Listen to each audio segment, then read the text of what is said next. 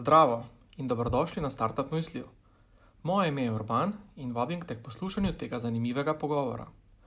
Startup Mysliji so podjetniški pogovori s prepoznavnimi imeni domače in tuje startup scene, namenjeni deljenju in izmenjavi izkušenj, pridobivanju novih znanj ter širjenju mreže povezav. Na tovarni podjemu jih že od leta 2012 organiziramo v okviru programa Startup Maribor. Pa začnimo.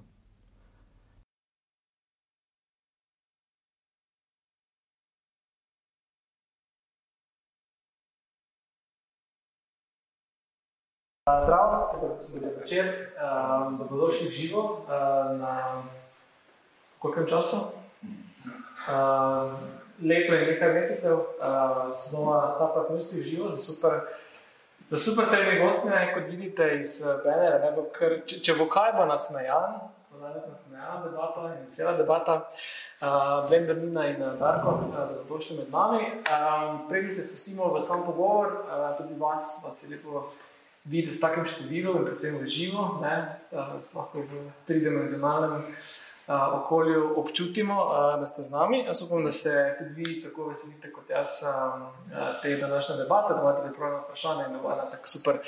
Zanimiv večer. Uh, nič ne de, uh, gremo kar na predstavitve naših gostov, kot gentleman, da uh, priložnost najprej ženski, uh, Nina, uh, dobrodošla v Mariboru. Um, povej mi, uh, kako si, kako je.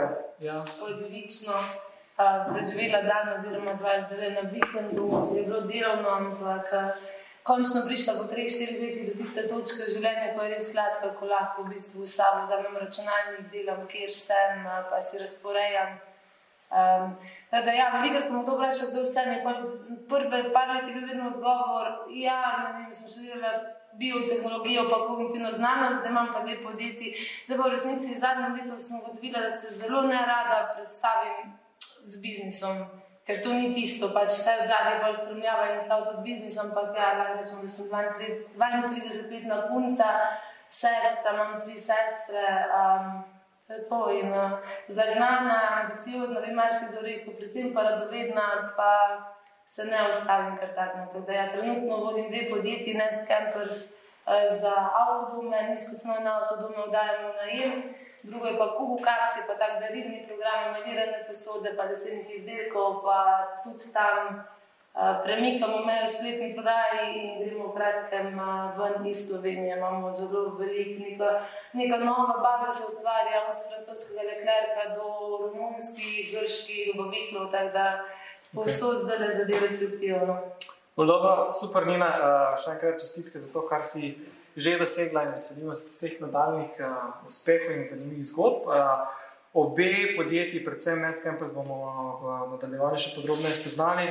Bo če eno malo bolj tako sproščeno, odbito vprašanje. Um, če bi morala v tem trenutku svojega telefona izbrisati tri aplikacije, katere zagotovo ne bi izbrisala? Google Maps. Okay. Če bi jo izbrisala, da bi bilo tukaj. Ja, telefona, sigurno ne, ker je to ful rada fotografiram, všeč mi je to deljenje, se mi zdi nekaj tak lep medij, pa Gmaila, pač to so čisto neke osnovne. Pa pa če bi šel po socialni, bi verjetno najtežje izbrisala za enkrat Instagram. Uh, LinkedIn pa prirašča k srcu vedno bolj, ampak to je že pa. Cool. Če boste spremljali na Instagramu, ne, šel pa ko zmešana storija, da ja, sem rekel, da imaš čas. Očitno rabiš še tretje podjetje. Se imam, že imam nekaj odprtega, ekstra manj delo, ker je moj dolgoročni plan, recimo že zdaj vem, da je, je v bistvu pomagati mladim podjetnikom, svetovati podjetjem, ker vem, da sem močno bolj kreativen. Bom rekel, ker priznam, da številke mogoče niso moj forte, vse ostalo pa tako, da ja, ta, to je že vse čas v planu ne vidim sebe, sem v lončki, pa podobno. Cool. Dobrodošla v naši skupnosti, zdaj tudi, uh, seveda, uh, na te priložnosti vam vabilo in poziv, da če imate kakšno koli vprašanje, komentar, uh, da je dobrodošli. Uh, tisti, ki me poznate, ne, veste, da uh, sem, sem, sem veliko teh debat začel z mojimi zadeljenjem mojih ne, mokrih sam, da bi imeli občinstvo več vprašanj, kot jih imam jaz na teh debatah. Ne, zdaj, nažalost, pa na srečo se mi te sanje še niso resničile, tako da vedno ne, začnem debato s polno upanja na en izmed teh dogodkov, skratka, vabim vprašanje. danes ni butastih, narodnih, neprimernih vprašanj. Vprašajte, karkoli želite, taka sredina, samo da v bistvu ne, na vse odgovorimo. Um, cool, Darko, isto, isto vprašanje. Um, kdo si, kaj počneš? Torej, moje ime je Darko Kranc, ko izobrazim magistr gospodarskega inženirstva, um, delujem trenutno v treh podjetjih, torej Ingrid Seven, o katerem bomo mogoče malo več danes slišali, drugo podjetje je Podelje, tudi razvoj elektronike, pa tretje podjetje je Ilec, prodaja profesionalne častilne tehnike. Tako da, bom rekel, aktiven povsod, uh, rad se družim s prijatelji, rad klesarim, uh, rad se vozim z čemerkoli, sem na lahko lesa, uh, uh, pa rad pomagam ljudem čisto tako. Cool. Ena izmed stvari, ne, to je za tebe tako vprašanje, ena izmed stvari, ki si jih nesebično naredil za druge v zadnjem času. o tem sem dosti razmišljal, kaj bi rekel, ne. To pa mi prišlo na pamet. Da sem v bistvu svoj tašči odpeljal njeno hčino.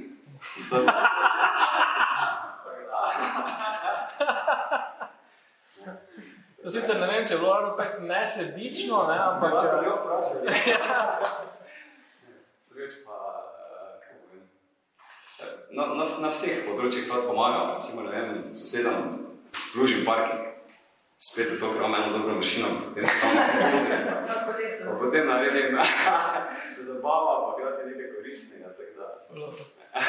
Super. Um, še to, da je tudi ena skupna značilnost, ki ima ta znina, ne, da pač ne sediš samo na enem stolčku. Ne, uh, kaj ti je sicer bil samo z enim podjetjem, ti je bil dolg čas, ali kaj je to finta teh uh, uh, večjih. Uh, ne, ne. Čisto tako, to je uh, spet okoliščina, bi rekel. Uh -huh. Nekje pač treba začeti, potem začneš pri enem podjetju, pa se potem razvijajo zadeve, pa pride mogoče neki novi ljudje, pa nove ideje, nove priložnosti, postaviš drugo podjetje, pa mogoče še padeš v tretje podjetje. Če je enostavno, ko imaš know-how, ko greš čez enega, pa res ni težko, imaš problemerja, imaš onga, imaš pač ponoviš postopek, imaš odlične stvari, pa jasno ti je mogoče kaj reči.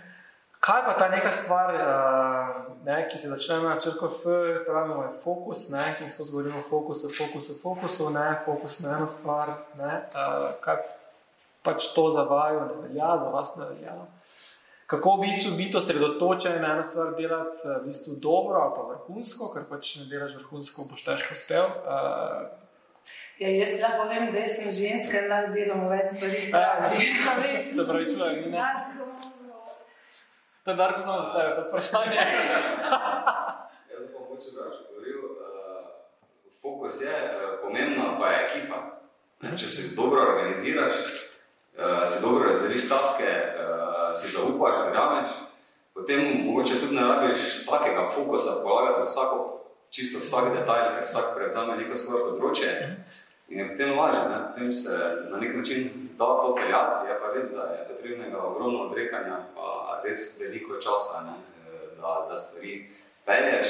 Uh, definitivno pa tiste najbolj pomembne stvari, pa moraš biti 100% zbran zraven, da pač upraviš te naloge, ki jih imaš in pelješ zadevo naprej. Bi pa rekel, da smo mogoče zelo malo počasnejši. Ker delati dva ali pa tri projekte, te vsak malo ustavi. In če bi dal vse predsedno pozornost na en projekt, bi mogoče, vsaj v mojem primeru, bil razvoj enega hitrejši. Tako pa mogoče to malo enostavno, ampak včasih se mi da je še dobro, da je tako. No, zdaj, mogoče pa v našem primeru bi pa rekel, da ta kreditev ni najbolj, uh, je mogoče drugačna zadeva pri nas, zaradi tega, ker mi imamo Mi se ukvarjamo z enimi malo bolj dolgoročnimi projekti, ne, ker pač vse skupaj traja. Ja, dobro, ne, konkretno, kaj, kaj, kaj. Konkretno, recimo, uh, zdaj to, kar delamo z Infi7, uh, razvijamo uh, prikazovalnike za električna kolesa. Uh, tisto, kar mi imamo, to smo dali malo na stran, ampak to je v bistvu projekt, ki ga delamo z enim velikim podjetjem uh, in tam zadeve pač trajajo. Preden se oni odločijo, uh, v katero smer izdelava prototipov, se bomo potem mogoče še malo bolj podrobno, ampak Zato povem, da ta projekt že traja leto in pol in zdaj smo tik pred tem, da eh, pridemo do serijske proizvodnje. Uh -huh. Tako da v tem letu in pol pa smo mogli narediti res vrsto nekih aktivnosti, v katerih mogoče nisem jaz rabil biti sto odstotno zraven. So mogoče nekateri drugi člani ekipe eh, bili eh, bolj vključeni, nekateri bolj sedaj, nekateri manj. In se v bistvu da peljati dva, tri projekte eh, hkrati zraven. Se pravi, ker pri nas je tako, da si mi nekako razdelimo svoje področja in potem uh, nam zaenkrat če uspeva. To, Ok, uh, hvala, Darko. Uh, Blender. Tebi verjamem, da uh, predstavitev bo stekla. Kdo je Blender? Ta nasmejan, najbolj nasmejan uh, član današnjega misija. Preden sem prišel sem, so mi rekli na firmi, kje sliko si dal in sem rekel, da sem dal to sliko, na kateri sem najbolj nasmejan. Uh, rekli so mi, da se moram v štartu upravičiti, ker na tej sliki imam bistveno več las, kot jih imam danes. Uh, malo starejša slika je, pardon. Uh, drugače pa ja, uh, Blender. Uh, kaj delam? Um, to je zelo dobro vprašanje. Um, ko me vprašajo, jaz ponovadi povem, da kuham kavo v pisarni, da skrbim, pač jaz sem pisarniška mama. No? Um, drugače pa se ukvarjam z vodenjem projektov, pa z vodenjem ljudi na podjetju Clover Labs, uh, katerega so ustanovitelj sem.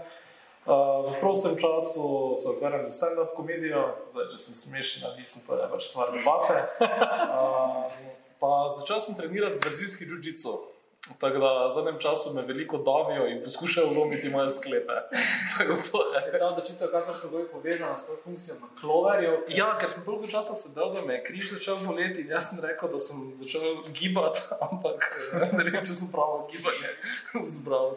Mogoče kakšna joga ali pa pilates, recimo, ne zakaj je brazilski jiu-jitsu. Ej, pa ne vem, um, ful sem gledal na TV-ju uh, te uh, mešane borilne veščine, pa sem rekel, pa jaz bi to tudi lahko. Ne pokaž. Rabim nekoga, da ga lahko zabavim. Ni nas, ja. Uh, drugače pa ja, da, kaj še ne povem o sebi. Je nič, jaz sem brat, drugače Nina ima tri sestre, jaz sem dve. Um, nič, no. Kako si star? Uh, kaj moram, cifra. uh, Sedem je drugače. To zaradi tega radiš brazilski jiu-jitsu, ker z dvema sestrama ni lahko. Ej, uh, včasih, če si tako lenko, jaz pol, je, je včasih potrebno. Vendar, nore, ne pozabim dogodiščine z maturanskega izleta. Z maturanskega izleta? Ali pa absolventskega. Kjer je bolj nora? Kjer je bolj nora? Za obe vemo. No. Bil sem ne, ne, se spomnim večino stvari. Na maturantskem sem jaz dobil full idejo, da bi jaz, veš, ko pečejo izpod peke, ne, zadeve, da bi jaz full to imel originalno zadevo in sem v Sarajevo na Baščarši kupil stvari izpod peke in potem so zaradi mene mogli na avtobusu prevekslati par uh, kufrov, da so stišali to noter. Že takrat si imel podjetniški duh, ne? Ja, knjeti, no, imam full rad. Noben kufr pa ni v Sarajevo ostal. Ne, ne, ne, ne, ne. Uh, ljudje so skoraj, kufri pa so prišli. Vsi nazaj. Cool. Evo, uh, malo takega zabavnega voda. Danes imamo kar nekaj stvari na, v bistvu na uh, podpeku, ne da nam rečemo na krožniku. Um, govorimo ravno, dotaknemo se malo v bistvu priložnosti, kako so v bistvu znali uh, te priložnosti. Uh, malo prototipiranju idej, realizaciji, ekipi, investicijah, skratka, kar nekaj tem imamo odprtih. Um, želim, da zavijemo tja, kamor vas zanima. Uh, začeli bomo ne, na začetku, uh, kako presenetljivo, um, potem pa v bistvu bomo zavili malo. Uh, uh, od teme do teme. Zdaj, če ima že kdo zdaj kakšno vprašanje, to izvolite, prekinite. Uh, eno, tri. Ok. Cool. Um, evo, uh, malo že, smo že slišali zgodovine. Uh, mogoče samo še nekaj vprašanje. Zdaj ta Infi7, uh, Clover Labs, uh, um, Nest Campers in Kuku Cups, sem prav rekel. Ok, cool. Uh, kateri podjetniški projekt je to, koliko imate zgodovine uh, v številki ali pa v letih? No? Uh, malo za občutek. To so moja prva dva, če, če tako gledamo. Pač, ja, okay. Prvo moja dva. Hm, pa, koliko pa let ste že aktivni podjetniško? Ja. Jaz bi rekel, če vse skupaj štejemo od nekih prvih poskusov, skoraj deset ali pa že deset, to pa je recimo, četrta zadeva, ko se okay. jo lotevamo v takšni ali drugačni obliki. No. Okay. Tudi pri tebi, no, kar se tiče te zgodovine, mogoče zanimivo, da se skozi nekaj z isto ali pa s podobno ekipo vrtite. Se to ravno, ne, ne, ne, ne morem si jih losati, vedno so neki poleg. Ne. Zgodba se začne tako, torej, bili smo srednji šolci in uh, en fant, uh, jaz sem torej obiskoval prvo gimnazijo Maribor, en fant, ki ga poznam z druge gimnazije takrat, je naredil neko aplikacijo in je z njo na nekem podjetniškem vikendu, pač neki event je bil, skratka, je dobil neko nagrado. In pazi, da je to razmišljanje, ne, mladega blenderja. Ne. Mi dva skupaj špilamo basket, redno. Ne. In če on naredi aplikacijo, pa lahko jaz tudi naredim aplikacijo. Ne. Ampak jaz sem potem ugotovil, da nimam jaz blage veze v programiranju. Ne. In uh, čisto tako je stvar nanesla, da uh, jamram. Uh, enemu uh, sošolcu, no, uh, Žigi, in potem ugotovimo, da je Žiga Pfeiffer dejansko programer. Ne, in sem bil tak, štiri leta se že poznamo in ti mi to zdaj poveš. Te pa gremo aplikacijo, neko narediti. Ah, kakšno aplikacijo? Pa ne vem, ti pa že nekaj sprogramiral, pa je to to. In potem nekako se v to zgodbo vplete Luka, ker, mlakar, ker smo pač potrebovali grafičnega oblikovalca in smo bili tako, no, ja, kaj naj Luka nekaj riše na računalniku, ja, ja, nekaj on dela, ne. Vredo. Uh, potem pa pač se je še Simon priključil. Uh, in uh, pač, torej, od uh, takrat dalje v takšni ali drugačni zgodbi, ne smo nekako pač mi štirje, oziroma Sergej Nec Goriše kot peti, uh, on pa pač je potem tudi bil malo onenov, uh, zdaj pa smo rekli, za pa tak ne. Zdaj pa bomo sklenili uh, skupno zvezo, odprli podjetje, uh, dosta za. Plunili v roke, pa gremo. Ja. Super, no se ta ekipa, ne da že tako prej omenil, ne da ekipa se ne nehna, ne pomembnost ekipe, ekipe, ekipe. Uh, Nina, zdaj če začnemo malo pri priložnostih, uh, v bistvu ta nizkocenovni bivalniki, um, odkot ideja um, in kako si bila, kako si, si kaj ti je dal tisti signal, da je pa to biznis, s katerega lahko pač narediš neke novce. Jaz tukaj grem nasproti vsemi učbeniki, ki pravijo, da treba vedno najprej preveriti trg, pa ugotoviti, če je tam dovolj popraševanja, pa bla, bla, bla, pa taka jajca. Mislim, na koncu, če ne daš na trg, ne boš niti vedel, ali je tam popraševanje, ne sploh, če daješ nek, rečemo temu, nov produkt. Uh, ali pa nekaj, kar trg tukaj ne pozna. Da, da tukaj jaz bom nekaj, kam bi lahko šla pogledati te številke, ker STO ima svoje, mislim, to tudi v turizmu številke dobite skoraj najmogoče tako, kot bi dejansko govorili, realno stanje. In jaz sem šla v bistvu po študiju, po magisteriju kognitivne znanosti, sem dva dni zatem šla na letalo za eno leto živeti na Novo Zelandijo. In meni se sanja, da bi zdaj tam delala, mogoče bo našla lahko raziskovalno delo za kognitivno znanost, ampak to na Novi Zelandiji zares ni možno, ker država nima tega razvoja. In tam sem pa v bistvu živela pol leta v avtodomu, pol leta delala pa v kempu, kjer sem v bistvu videla ful teh avtodomarjev. In Nova Zelandija je en tak fenomen, poleg Avstralije, pa rečemo še Islandija. Na imajo ful mladih popotnikov, ko se v bistvu te kombije, mini vajne, pa kaj predelajo sami, pač ko že imamo posel, pa gorilnik, pa tudi neki firmi, ko že recimo, da delajo to, kar delamo mi. In tako sem sploh videla ful nekih sporednic z Slovenijo, kot Evropsko Novo Zelandijo, zeleni smo, imamo neko infrastrukturo in je v bistvu ideja za ime že prišla na Novi Zelandiji. Meni so pa tam ponudili še delo za tri leta, ampak takrat sem pa že rekla, da ne, da želim priti v Slovenijo in testirati to idejo. In tam je pa prišlo nekaj časa, je trajalo od neke ideje do realizacije. Jaz sem drugi dan, ko sem pa že nazaj iz Nove Zelandije, že gledala, koliko stane v camping boxi, koliko bi stala vozila, pa nekje bi se odprla podjetje v dveh tednih in po mojem, da je bil prvi avtor in tam en mesec zatem brez 15 strani da ni bilo tukaj. Pač tukaj, ko včasih poslušam ekipe, ko traja pol leta, pa ne vem, pa eno leto, pa ekipa, pa logotip, pa spletna stran. Jaz vedno pravim, da se ne čaka, samo začeti je treba, ker ne moreš popolnega produkta, ni možno, pač logotip lahko vedno zamenjaš. Ampak da smo mi prišli do popolnega produkta, je v bistvu trajalo vsaj dve, tri sezoni, konstantnih uh, poslušanj kupcev, kaj jim ni všeč, kaj manjka, kaj bi drugače. Pa so zadeve začele v bistvu nastajati in smo naredili za res nekaj, kar da rečem, popoln produkt. Sploh ne gre več za avto, ampak za vse zraven, kar dobijo naši gosti. No, darili so popustov, mm, mislim, ja. Je pa je bila pri tem prenosu te ideje iz, iz prenosov, ja, iz Novozelandskega v evropski trg si uh, Uh, si, si imela kakšne, kaj so bili mogoče tvoji največji pomisleki, zakaj to tukaj ne bi delovalo? Ali pa, ali, ali sploh ni imela? bilo, jezila me je slovenska a, zakonodaja pri samih vozilih, pač zato, ker jaz ne morem dati umestne variante velikosti vozila, ki je bila meni najbolj fajna. Ker tako, kot bi jaz naredila to umestno stvar, v bistvu meni ne bi homologirali vozila v osebno bivalno vozilo, ker nima stojne višine, pa taka neka jajca brezvezna. Tako da To je bilo pa samo treba najti pač tiste luknje, kaj pa bo, ampak jaz tukaj pa nisem dvomila, da to ne bi šlo. V bistvu mi smo celo prvi dve, tri leta imeli popolnoma usmerjeni samo na tujce. Mi smo skrivali oglase v storitev slovenskemu trgu, nismo želeli niti se pokazati slovenskemu trgu, ker je bil poslovni model nastavljen drugače. In že prvi, pač prvi odzivi so pokazali, da so prišli gosti nazaj, to navdušenje je mi da vedeti, da delamo prav, ker sve pa pol ne vem stvari kot pol leta razvijanja prve spletne strani, da so programerji upali pa rekli, mi to ne znamo in so vprašali, zakaj to delam. Ne. Ni bilo zdaj samo full dobro, bilo je E, pa ta, ta, v bistvu, ta twist, ne, ta me zanima, v bistvu skrivanje uh, produkta, uh, oziroma uh, marketiranje samo tujcem. Zakaj ne slovencem? Uh, ker zdaj, po- moja predpostavka je bila, da okay, tujci tako običajno potujejo, so bolj premožni, pa si rentajo avtodome, take proper velikosti. Moje je bilo preračunljivosti že v tem, da tujci bodo poznali ta način potovanja. Pač tujci so dejansko tujci, ki potujejo na Novo Zelandijo, pa na ta način potujemo. Vso ni treba razlagati, on sam to išče, ker tega ne more najti. Na vsem zagledu pa smo prodajni brezameniki, ki delamo na bolj veliki zraven.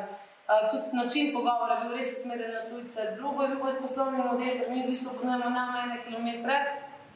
Kar se zdi, da ko pride tujec, pa dobi našo mapo, kam pa je vse, pa gre tam lepo pač Slovenija, pa malo Hrvaške. Tako kot smo pa mi razmišljali, da bomo pa mi dobili v bistvu Slovence, ko bo šli pa v Skandinavijo ali pa Francijo, pa ne vem kam, se bo v bistvu nam tudi ta model um, tega je podaril. Tretja stvar je bila pa v bistvu, če bi mi prišli prehitro v Sloveniji ven, smo v bistvu mi dani nam ne milost vsem tistim, ki pridejo z ogromno kapitala, pa rečejo, a ja, aj, se ni panike, imamo tule milijon let, tule ful dobro, da bomo mi podobno ponoviti, da v bistvu nekdo na tvojem ozemlju izrine ven, zakaj, ker so ljudi premali. Po treh, štirih letih smo pa mi dobili toliko prednosti, pa korona se je zgodila, ki nam je videla, da bi se vzela tujci in nas prisilila v neko uh, slovensko stran, pa Slovenijo, da zdaj pa v nekih 50-50 razmerja pa ne dogajamo povraševanje. Cool, dobro. Uh, Blendor v, torej, v Clover Labsu, ki ste tam, ste startup studio, da jaz lahko rekel, ne, rekel se te kar po startupovsko v bistvu lotevate razvoja projektov, ne, torej, da vseeno najprej pač validirate potrebo na trgu, ne, torej podobno kot Nina, pač da imate na trgu nek, nek prototip, eh, nekaj, ne. Uh, kako ste v bistvu začeli z tem Voice? Torej, Voice je vaš zadnji v bistvu, projekt. Um, uh, v bistvu na Hacker Newsu ste ga načeloma v bistvu prvič objavili, oziroma na nek način štartali. To je tak, vsej na splošno nek nov pristop, mogoče nam lahko malo poveš, neka logika, kaj sploh Voice je, kako ste v bistvu prišli do njega, kaj ste validirali to osnovno idejo in kaj je potem Hacker News in kaj se je zgodilo s tem. Um, v bistvu je tako, um, torej, ta osnovna ekipa Clover Labsa, torej nas pet, uh, mi smo predtem delali v najrazličnejših industrijah. Uh, delali smo agencijsko delo, delali smo za velike korporacije, delali smo za slovenske stranke, tuje stranke, dosti krat smo delali v drugih časovnih pasovih. In nam je bilo nekako normalno, da aha, Slack je ali pa bilo katero drugo messaging orodje je 24-7 vklopljeno. Uh, če komuniciramo, komuniciramo uh, čim bolj uh, information dense, tako da bo čim manj spraviti čim več informacij noter. Uh, potem pa je nekako bila ideja cel čas v glavi, kako bi lahko mi to komunikacijo optimizirali. Um, zdaj, kje pride tu noter voice? Ne? Uh, mi smo ugotovili, da smo najbolj efektivni takrat, ko se dobimo v živo in se pogovarjamo. Ne? Ker govor je neka taka zadeva, kjer lahko ti relativno malo povedi, spraviš zelo veliko ključnih informacij. Ne? Ampak, ker ne, nismo vedno bili vsi skupaj, ne, zaradi tega, ker pa še en je v Ljubljani, en je v Mariboru, en potuje celice naokoli. Ne, in smo rekli, kaj bi bilo fajn, če bi mi lahko vse te naše pogovore in to uh, nekako snemali, shranjevali, ampak hkrati imeli convenience, uh, oziroma te vse te prednosti, ki jih ima Slack, oziroma bilo katero drugo komunikacijsko orodje. Ne. Uh, in nekaj se mi zdi, da je bil breaking point, uh, Sergej Nec, uh, torej eden izmed dveh dizajnerov, ki jih imamo, uh, je potoval po jugovzhodni Aziji in uh, smo začeli opažati, da ljudje, recimo jugovzhodna Azija, fuldosti snema kratkih glasovnih sporočil. Oni se ne kličejo, uh, oni si ne pišejo, uh, recimo vem, ZDA, Evropa, mi smo full, pač Messenger ali pa Viber ali karkoli. Oni pa celi cajt samo snemajo te kratke, kratka glasovna sporočila. In so bili tako, ok, cool, kaj če vzamemo pač ta koncept, ga nekako zmržamo z Slackom in prilagodimo za našo vsakdanjo rabo v podjetju. In tako je nastal Voice. Um, torej, uh, orodje za glasovno komunikacijo v podjetjih s poudarkom na asinhronosti. Zakaj asinhronost? Najbolj nam je šlo na živce notifikacije. Ko ti prideš k nam v pisarno, pa se vsedeš zjutraj, pa odpreš laptop, to samo začne pingati. In to Slack dela, pim, pim, pim, pol maili letijo in ne vem kaj vse. In uh, ko začnejo lučke utripati in vsi ti zvoki pač po domače, ne, se ti lahko zmeša. Uh, in uh, smo nekako začeli uvajati ta asinkron način dela, predvsem zaradi tega, ker imamo zelo veliko sodelavcev v različnih časovnih pasovih. Uh, in ne vem, zdaj recimo imamo nekaj sodelavcev v Nemčiji, uh, imamo enega novozelanca v ekipi, uh, ki je taki leteči, potuje naokoli.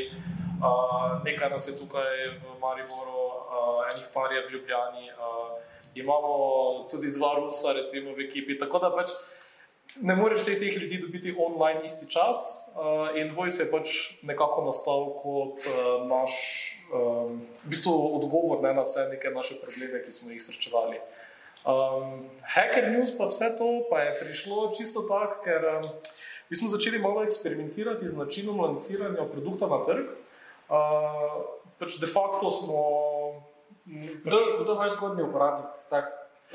Z, uh, predvsem podjetja v uh, IT branži, uh, govorimo razvojne ekipe. Do zdaj so pač to mala in srednja velika podjetja, ampak recimo, da so nekje pač ne vem, do 150 ljudi mas. Uh, ki se pa potem, seveda, organizacijsko delijo na manjše skupine. No, tako da znotraj ene večje organizacije, recimo design ekipa, pa je potem development ekipa, pa druga development ekipa. In potem so, ne vem, organsko neke skupine, 5 do 10 ljudi, no, ki pač na tak način komunicirajo s temi kratkimi glasovnimi sporočili. Sorry, da sem prekinil Hacker News. Uh, Ek, ja, uh, mi smo eno stvar štartali pri nas interno in sicer smo rekli, da je 5 na 7 kupu, vsak od nas uh, naj poskuša lansirati eno idejo, validirati to idejo na trgu na kakršen koli način pač pride. Če potrebuješ resurse ostalih štirih, pač javiš. In Vojs je pač začel kot en izmed teh internih hackathonov.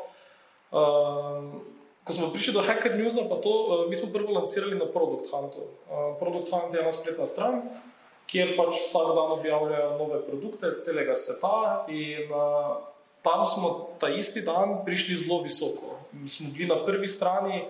Uh, Protohan ima ful zajeman algoritem, ki nekako pač sortira vse te zadeve, ful je odvisno, kdaj postaš, kdo posta, kdo upvota. Skratka, tu je zadaj tako ful preveč dela šlo v razumevanje tega algoritma, kot bi si jaz želel. In ravno ko mi rangiramo na Product Huntu tisti dan, uh, kar nekaj dobimo sporočilo od Product Hunta, češ, uh, hej, uh, nam se pa to ne zdi tako vrije zadeva, Uh, pa bomo mi malo skenslali in mi baziramo cel naš launch ne, na Product Huntu. Hacker News pa sem jaz slučajno zjutraj postal, ker sem bil pač tako, no, gledaj, če že dolgo na Product Huntu, dajmo še na Hacker News. Ne. In tam nekje do druge ure popolno jaz nisem čekiral Hacker News, ker nisem vedel, pač, kaj se zdaj tu dogaja. Uh, slučajno po kosilu grem, odprem gor Hacker News in mi smo na prvi strani. In mi imamo tako full nekih komentarjev. Ampak komentarji so pa bili najbolj hardcore na svetu. Ljudje so pisali, če sem jaz direktor IT-ja na naši firmi, jaz plačam, da ne bi uporabljali vašega produkta. Uh, to je katastrofalno. Uh, zakaj bi kdo hotel komunicirati uh, glasovno, uh, če je lažje tipkati? Ampak vsta hejt v teh komentarjih ne, je pa vzbudil veliko zanimanje uh, investicijskih skladov, privatnih investitorjev in tega, ker pač Hacker News je tako kot ne, Instagram. Ne, če pač delaš v IT-ju, vsaj enkrat na dan to gor, preš pa malo poskrolaš. In potem začnejo samo leteti maili in uh, calendar linki in zoom klici. In, uh, ja, uh, in potem pač smo začeli pogovarjati z investitorji. Uh, Mi pa smo bili tako, no, ok, vredo, te, če na eni strani sovražijo, na drugi strani pa ponujajo denar, pa mislim, nekaj je na tem. Ne. Uh, da... In kako se zdaj v bistvu daleč, uh, v bistvu, kje je, v katera je ta faza? Uh, oktobra uh, bo prišla zaprta beta verzija 2, torej zaprta beta verzija 1 je že. Uh, v tem trenutku imamo, da se ne bom zlagal, 15-20 podjetij ki to pač uporabljajo za zaprto beto verzijo 1. Uh, beta, ta verzija 2, pa bomo pač še enih par podjetij, ki jih imamo na waitlisti, uh, onboardali. Um, zdaj smo pač v tej fazi, ko rešujemo neke tehnološke zadeve. Um, koliko je tukaj geekov, tako ko ste cele dneve za računalniki in uh, je kdo taki, ni ok. Yeah. Um, Največji problem imamo za transkripcijo, to je tudi težava. Um, en izmed naših featurejev, no, da ne prehitevam, je ta, da zvočni posnetek transkribiramo v tekst. In za največji problem je ta, ker ljudje, ko uporabljajo svoje, pač primarno ne zajemajo glas preko telefona. In ti lahko zdaj se posnameš nekje, kjer je full gužva, ali pa nekje, kjer je res glasno, ali pa imaš slab mikrofon. Vse te zadeve uh, mi pač posnamemo, damo skozi serijo različnih algoritmov, procesiramo v nekem cloudu in vračamo tekst nazaj. In mi se zdaj ukvarjamo, kako narediti čim bolj uh, natančen prepis. Ampak, če se že Google, pa Amazon, pa še ne vem, kdo s tem fully ukvarja, pa se bomo verjetno mi tudi še nekaj časa ukvarjali. Uh, In kaj pa je, recimo, to še me zanima iz vidika teh uporabnikov, ne, zgodnih uporabnikov, pa, pa ste delali validacijo vrednosti tega. Kaj, kaj je v bistvu za vašega uporabnika največja vrednost? Kateri del te, te, te rešitve, vojsa, je tista bolečina, zaradi katere, kljub temu, da um, je to v začetni fazi to uporablja, kaj je tista. Kaj je tisti feature, tisti, tisti, tisti value? Meni se zdi, da je uh, zajem glasu in pa asinhronost. Uh, in sicer iz različnih uh, vidikov, različnih uporabniških skupin. Ugotovili smo, da ful uh, ljudi na nekih višjih uh, vodstvenih položajih uh, jim je ful naravno govoriti v telefon, ker so že predtem na nekih klicih ali pa kaj. Če pa to, kar oni razlagajo svojim kolegom, se še transkribira, pa se ti pojavi v nekem urejenem uh, sporočilu, ne, uh, imamo še nekaj par bombončkov, kot je recimo prepoznavanje določenih ključnih besed, in uh, potem da ti da neki približen časovni okvir, ne, uh, da veš približno temu, ne, k, uh, o čem se pogovarjate. Tako da če kakšen sestanek in nekdo ful v tem sestanku razlaga in reče večkrat besedo marketing ali pa reče besedo razvoj. Uh, znamo recimo časovno umestiti, ej, ne vem, med 37 sekund in tri minute se pogovarjajo, večinoma o marketingu. Uh, to je recimo C-level uh, uporabnikom zelo, zelo koristno. Ne? Uh, so pa določene ekipe, ki pa recimo jim gre na živce, to preko Zuma, pa Google Meetov, pa tega se videvati. Uh, in raje pač posnamejo sporočilo, no? uh, pa dajo status update, da se ne rabijo dobiti na daily stand-upu, uh -huh. vklapljati kamere, pa to ne. Uh, so ljudje, ki ful delajo remote, pa delajo iz najrazličnejših uh, krajev in uh, recimo imajo slab internet ali kaj takega ne, in potem posnamejo tam, kjer. V bistvu različni ljudje imajo različne, uh, vidijo različne prednosti v tem tulu. Uh, srečo imamo, da pač vsi se morajo pogovarjati in da pač lahko dejansko najrazličnejše skupine pač koristijo. Zanimivo, super. Bravo. Um, Pa vprašanje na tem mestu? Um, Darko, um, prikazovalnik e-kolesa, um, ne panoga, ki po mojem raste ena izmed pač najhitreje rastočih panog v zadnjem času, 30% v zadnjem letu, nobenih koles ni za dobiti, čakalne dobe so nenormalne. Um, zdi se, da so oziroma, vsi ti veliki playeri že v tej panogi. Ne? Zdaj, kak, na kak način ste v bistvu kot en mali start-up v bistvu našli priložnosti v tej gromozanski panogi, ki jo v bistvu naskakujejo in jahajo vsi ti veliki playeri. Ja, um, to v bistvu niti ni bilo tako težko, kot se sliši. Mogoče moraš biti res isto, da ja, v pravem času na pravem mestu. Um, zadeva je sledeča, ne? mi uh, ne delamo to direktno za proizvajalce kolesa, ampak imamo enega poslovnega partnerja, ki je v bistvu v preteklosti razvil en zelo, zelo dober elektromotor za električne kolesa. Zdaj ne vem, koliko poznate električne kolesa, ampak um, ta partner je Teku, grup iz, um, iz Nemčije. Eh, ki so hkrati bili solasniki že v Simarinu. Simarin tudi verjetno poznate, starta podjetje. In mi smo v bistvu šli tako zelo veselo gor, pa smo rekli, da v bistvu smo mi delali eno razvojno ekipo, rekel na novo, ki bi res bila uh, hudi profesionalci v razvoju elektronskih naprav. Uh, hudo optimizirana zadeva in mi smo šli tja pokazati en naš taki prototip, smo si takrat zmislili, mi bomo naredili en termostat ker smo že imeli kar precej razvitega na tem. In mi smo šli na njihovo v bistvu 25. obletnico podjetja, ker so povabili vse vidnejše njihove partnerje. Ne? In mi tam bolj veselo predstavljamo ta naš termostat, wow, kako se dobro vidi, imeli smo neko tehnologijo. In bolj pride oni pa rečejo, veste kaj, mi imamo en res full, velik in za nas pomemben projekt, ne? ampak mi vemo, da ga sami ne znamo narediti, oziroma mi ga znamo narediti, samo to bo stalo toliko, da, bomo, da ne mogoče to izvesti. Za vas pa vemo, da imate dovolj znanja in znate to narediti dobro, boljše kot mi in ceneje. Pa smo mi rekli, ok, ne, to se sliši predvsej dobro, nas bi to seveda zanimalo. En taki fajn projekt za, za v bistvu štart tega podjetja, na kar smo pač pogledali potem njihove zahteve in smo mi predlagali naše rešitve.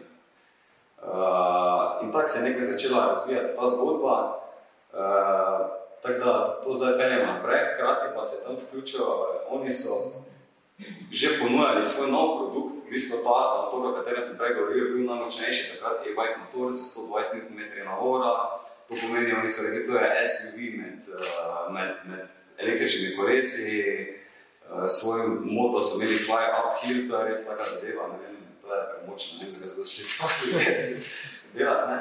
Potem so gotovili, da pa bi radi naredili tudi en uh, drug motor, kjer bi zapolnili eno vrzel na trgu, uh, veliko strastnih kolesarjev, klasičnih, full, full hate, e-bike, ne se to mogoče poznate, ja, pa vi ste muhi, pa to ne bo pa.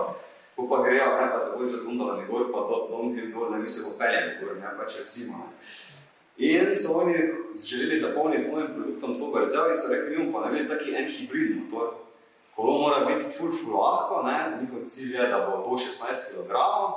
Uh, in hkrati, da ljudje ne bi opazili, da je, da je, da je to tako ne res, je bajk, tiste tako res nabito, ker v prvem projektu pa ni bilo važno, ne, koliko je ta kolo, samo da je ekstremno močno. Ne. No in oni so razvili ta nek prototip, Uh, potrebovali pa so uh, seveda prikazovalnik, pa krmilno enoto, to še ni še bilo razvito, imeli pa so že motorček. Ne? In oni so seveda te prototipe pokazali razen na, na Eurobike sajmo, pa, pa, pa na vseh teh uh, zadevah so ključni player na tem trgu uh, pač pokazali zadevo ne? in seveda so takoj zagrabili, ne? ker to je zadeva, ne vem, motorja se skoraj ne sliši, ko se pelješ, je zelo naravno, odzivn, uh, taka zelo fajn zadeva in s tem oni želijo pritegniti tudi tiste, ki še trenutno niso najbolj za električne kolesa, ampak bi pa oni imeli malo pomoč tisto na koncu, ne, ker fora električne kolesa, da ti lahko res stisneš vse iz sebe, ne, to je tako na fitnessu, ne, ko dviguješ teži, pa ti nekaj malo še pomaga, pomaga, pa se res lahko iztrošiš, ne, in to je ena taka priložnost, ki so dobili, no, in pa ne, zdaj pa so završili to zgodbo v bistvu še na ostale, tako da imajo še 12 ostalih velikih proizvajalcev, um, električnih koles in to zgodbo nekako peljemo naprej. Uh, prikazovalnik ni takšen, kot smo si ga mi zamislili. Po našem mnenju so ga precej, precej preveč okrnili, Ampak v bike industriji je pač vse, da ti imaš prečiščeno krmilo, da ni motečih elementov, čim manj živic, eh, čim, res čim bolj klin zadeva.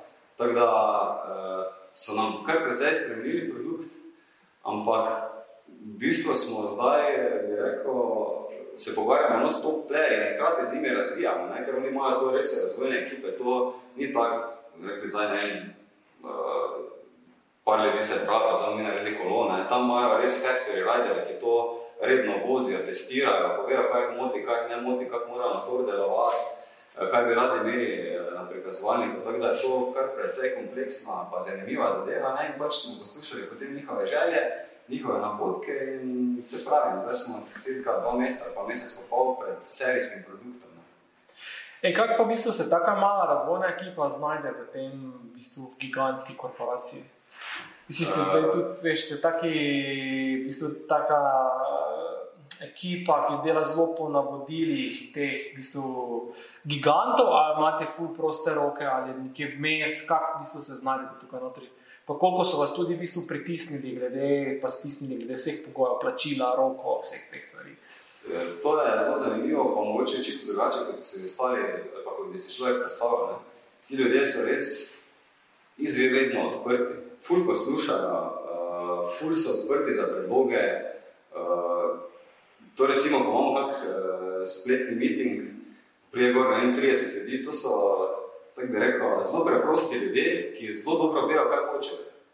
In uh, ni bilo nobenih pritiskov, v bistvu, ne? mi skupaj z njimi gradimo produkt ne? in verjamemo, da bo ta produkt najboljši produkt, kar ga lahko ponudimo. Ne? Seveda so zadaj pritiski glede cen, ne? ker ti lahko narediš nek produkt, pa če potem preko šestih preprodaje, pa gradno prije do enormne cene, nisi nič naredil, ne? Uh, trg mora prenesti produkt, ki ga delaš. Ne? Tako da seveda so neki pogoji, ne? ampak mi, na nas pa je, da uporabimo naše znanje in znamo narediti napravo, ki bo vrhunska, boljša od ostalih za boljše ceno. Ne? In tu je nekaj cash, dejansko pa ni bilo nobenih pritiskov za strani nobenega od proizvajalcev, ko res, oni pač povejo svoje želje, mi naredimo prototip, uh, ga potestirajo, povejo, kaj moti, kaj ne, kaj bi spremenili in uh, zadeve tečejo dalje. E, kaj pa, kar se tiče zdaj, uh, v bistvu vaš, vašega podjetja, pa vizije vašega podjetja, želite v bistvu tako dolgoročno, če pogledaš, ne želite ostati v bistvu nek tak razvojni studio velikih v bistvu proizvajalcev nekih naprav, ki potrebujejo elektronske prikazovalnike v krmilnike, ali želite, ali že imate vizijo z nekim svojim produktom, ki boste ga štartali, ker verjetno poti je več, ne, kako tukaj nadaljevati. Ja, zdaj, um, dve smeri sta možni. zdaj, v tem času je tudi ta teko grup v bistvu vstopil tudi lasniško v naše podjetje, ne? tako da imamo, tudi, ampak čist tako neobvezujoče, mi smo se dogovorili, da bo oni nam preskrbeli projekte, ki jih lahko vzamemo, če nam bodo zanimivi, ali pa tudi ne, čist proste roke imamo in lahko tudi zavrnemo. Tako da iz tega naslova si obetamo kar veliko bi rekel, priložnost. Mimo grede TQ Group je ena skupina, ki je v privatni lasti in dela približno 400 milijonov evrov letnega prometa. Tako da to gre za kar precej veliko zadevo. Imajo uh, 11 lokacij po celem svetu proizvo, proizvodno, hkrati pa so v bistvu oni iz naše branže, oni so načeloma naša konkurenca, bi na nek način lahko dejal, ne? uh -huh. ker oni razvijajo, oni projekt pač pripeljajo, najdejo kupca, ki nekaj potrebuje, tako kot sem malo prej ti povedal in pač pripelja ta projekt uh, na trg za znanega kupca. Tako da mi imamo zelo dobro priložnost zdaj tukaj, da lahko uh, torej, dobimo produkte na dlani, kar pomeni, ne vem, tu se gre v nekaj sto tisoč naprav. Oni so stopili tukaj za 25%. Uh, tako da uh, enega takega poslovnega partnerja imeti je v bistvu idealno, zaradi tega, ker se ne rabiš ukvarjati ne z marketingom, ne z ničem, mi smo zelo fokusirani tukaj na napravo, moramo spremljati tehnologijo, pa moramo znati uh, narediti, bi rekel, cenovno ugodno zadevo, ki zmore to, kar zmorejo uh, mm. bistveno zmogljivejše naprave in tukaj konkuriramo. Po drugi strani pa že seveda se dvete ideje, ne, mi imamo zdaj uh, veliko želja, ne, veliko želja, že uh, pravzaprav tudi ideje, kaj bomo naredili, ne? ampak nas vedno se potem vprašamo, pa kdaj bomo mi to vse, se moramo tako živeti. Ne? Mislim, da bomo vse to lahko dejali, tako da uh, malo tipamo, bo prišel sigurno hkrati in tudi en naš vlasen produkt, pa še mogoče malo prehitro zdaj govorite ampak že imamo nekaj rende, pa zamisli po, po, po, po verjanju tudi uporabno, ampak vedno pa gledamo nekako tako, uh, da je neka uporabna vrednost, dodana vrednost, seveda še član ekipe Tadej Murčič, izreden uh, produkt, oblikovalec, ki dela fenomenalne stvari in vse, kar on naredi, je tako čudovito, lepo, da kar folk kar pokupil, to je, ne vem, tak je občutek, ko on za to je, je neverjetno, ne, da imamo eno napravico tudi misli. Zdaj, kam nas, nas bo pa pot popeljala, pa se zaenkrat ne upam trditi ali pa ugibati, e, verjamem pa, da moramo zdaj vse moči usmeriti to, da prvi produkt pride brez slivni, ker res si ne želimo, da damo ne, 10 tisoč naprav na trg, pa oni to razpošljajo, potem pa reklamacije, pa to reševati, to, to si ne smemo privočiti. Tako da res zdaj zaključna faza testiramo, imamo neke težave, pa jih rešujemo. Tako da vse fokus trenutno, recimo nekaj pa 90% fokusa res tem, da ta naprava prije na trg brez slivna in da se bo to potem res grevalo in da bo ljudje pač zadovoljni, ko vozite svoje električne kolesa. Super. Uh, kako vprašanje na tem mestu? Izvoli. Ja, izvoli pa potem zadaj naprej. Izvoli. Jaz? Ja, izvoli. Um, mene pa zanima nasploh v tem vašem podjetniškem svetu, ker je pač tema od pekla do nebes. Ne?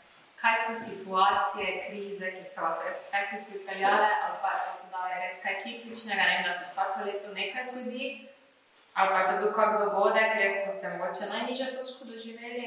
In na drugi strani res, kaj pa so tista nebesa, ko vam je bil res highlight, ali pa tako, no, tako mogoče. Da vam posoj peklo, da se imam več. Da še malo realnosti slišiš. Kaj vsakem peklu pera nebesa. Naj, najbolj, uh, najglobi, najglobi pekel pa najvišji oblak nebes. Uh, lanski Black Friday uh, delamo uh, spletno trgovino za enega partnerja iz ZDA uh, na področju uh, suplementov, prehrambenih dopolnil. In uh, oni imajo torej, distribucijsko mrežo po celi Ameriki, oni dajo pač uh, petmestno številko v oglaševanje, in tako naprej. In tako naprej. Um, v zadju ta sistem, ki smo ga mi zgradili, pa kalkulira neke posebne točke zvestobe, ki so povezane z poslovalnicami, ki so povezane z ostalimi, pač, so, ki sodelujejo v tej distribucijski mreži. Um, torej, v enem trenutku začnejo te točke iz nekega neznanega razloga uh, narobe kalkulirati. Ne? In potem, ker je bila prevelika obremenitev ne, na celoten sistem, ne, določene stvari padajo. In torej, šest ur pred začetkom Black Friday kampanje, stran krešne, jaz dobim klic iz uh, Teksasa, ki reče: Blendor, ni važno kako, ampak zrihtaj. In v tistem času karantene, ko je bil totalni lockdown, jaz grem ob treh jutro trkati ljudem na vrata. Zaradi tega, ker si niso javili na telefon, ker so valjda spali, in sem ob treh jutro celo ekipo mogel zbuditi, vmes sem tvegal, da bom dobil pač par tistih 100 evrov kazni. In smo ob treh jutro sedeli za računalniki in smo spostavili sistem, uh, cirka uro prednje šel live. Uh, v naslednjih dveh dneh so prodali za 290 tisoč evrov produktov.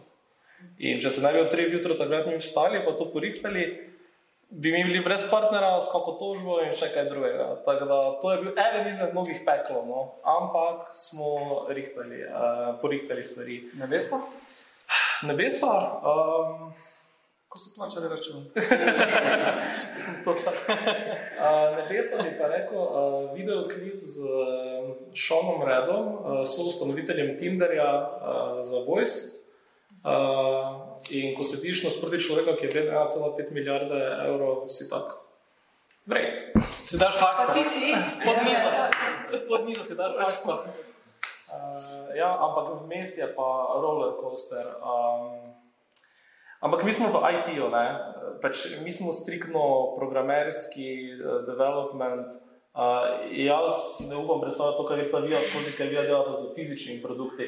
tam je pa nekaj čist drugega. Uh, in No, imam ful Nina. respekt. Nina, pekli nebesa.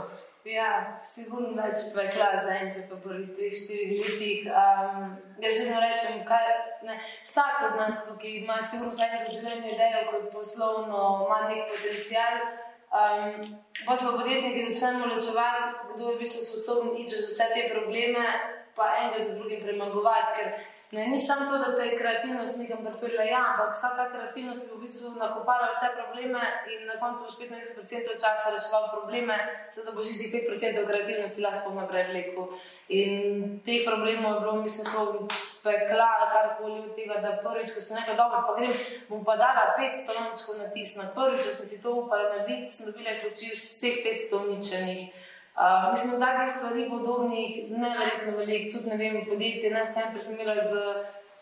Najprej je bil fant, partner, pa sem bila samo še poslovna partnerka, zgodba je bila vmes res uh, neprijetna za naj oba, kako so se stvari, pa se tudi vprašanje, ampak osebno, na poslovno in vse skupaj je bilo res naporno, res hudo. In najbolj zanimivo je, da pod meni je lani zgledala, zgodila se še korona, se pravi, ker naenkrat odpovedi vseh ljudi, ko so hoteli blokirati. Uh, začela sem sodelovati z partnerjem na Gorenskem, ki ima 8 stavkov doma, pa se je predstavil, da ni zares človek istih vrednot kot jaz. In eno za drugim so se lani začele dogajati stvari, da jaz, ko sem pelala dva projekta, se to samo povečevalo. In se je kar nekaj povečeval stres, povečevala se je prodaja, mi smo že lani na korono, v bistvu fulabro odreagirali skupaj, kap so ogromno bilo za rešiti, pr nesto. In to je bilo, če bi sam en projekt imela, pa bi se to dogajalo, bi bila izmučena na koncu leta. Jaz sem imela pa dva taka projekta. In prvo, kar smo lani po zimi, potem ko smo še odprli fizično trgovino, podrli vse rekorde v spletni prodaji zimski. In jaz sem en večer pelala škatle lončkov v peč, naročila nisem nehala leteti, cel marketing nismo mogli ustaviti, ker nismo več mogli sploh dogajati naročil. In jaz sem tiste škatle vse večer prelagala tja za peč, da bo odžganje naslednji dan in sem si rekla, če je to uspešno, jaz nočem pač biti uspešna in tega delati. In naslednje tri, štiri mesece nič več v mojem življenju da sem mislila, sploh pa ne delo. In takrat sem si mogla priznati, da je pač prišlo vse za mano, da je štiri leta v bistvu konstantnega pritiska, pa dela, v bistvu jaz rečem, da moji možgani so pregoreli. Ali još abagvala piše o izgorelosti, ampak vse to, dokler sam ne doživiš, v bistvu ne boš mogel nobenemu razložiti, kaj je izgorelost, tako je, ker je res zahrbtna bolezen ki je na odzuni noben ne vidi, pač ti si normalen, ti lahko hodiš, ti načeloma lahko razmišljaš, čeprav si jaz določene naloge, ki bi trajale, ne vem, par minut, lahko bi uri gledala v računalnik, pa je bila megla v glavi. In, uh, Takrat sem bolj v bistvu, ker sem pa študirala kognitivno znanost, se pravi, vedela, da kaj približno se v možganjih lahko dogaja, ko pride do tega, sem rekla, sem vedela, da rabim pomoč in da se zdaj ni ustavila. Sem šla naprej do psihiatra, mu razložila, rekla, da ne želim imeti depresivo. Um, in je on takoj pač povedal, da je to absolutno izgorelost, da ne smem delati nič naslednje pol leta ali koliko koli, ker, ker bom v bistvu samo še slabše naredila. Jaz nisem toliko zdržala, no, ampak um, ni bilo to dovolj. Jaz sem tudi za tri tedne umaknila, torej letos februarja v Afriko, stran do vsega, postila računalnik doma. Pa ne bom rekla, da sem v Afriki bolj uživala, sam preprosto nisem delala, pač samo blase.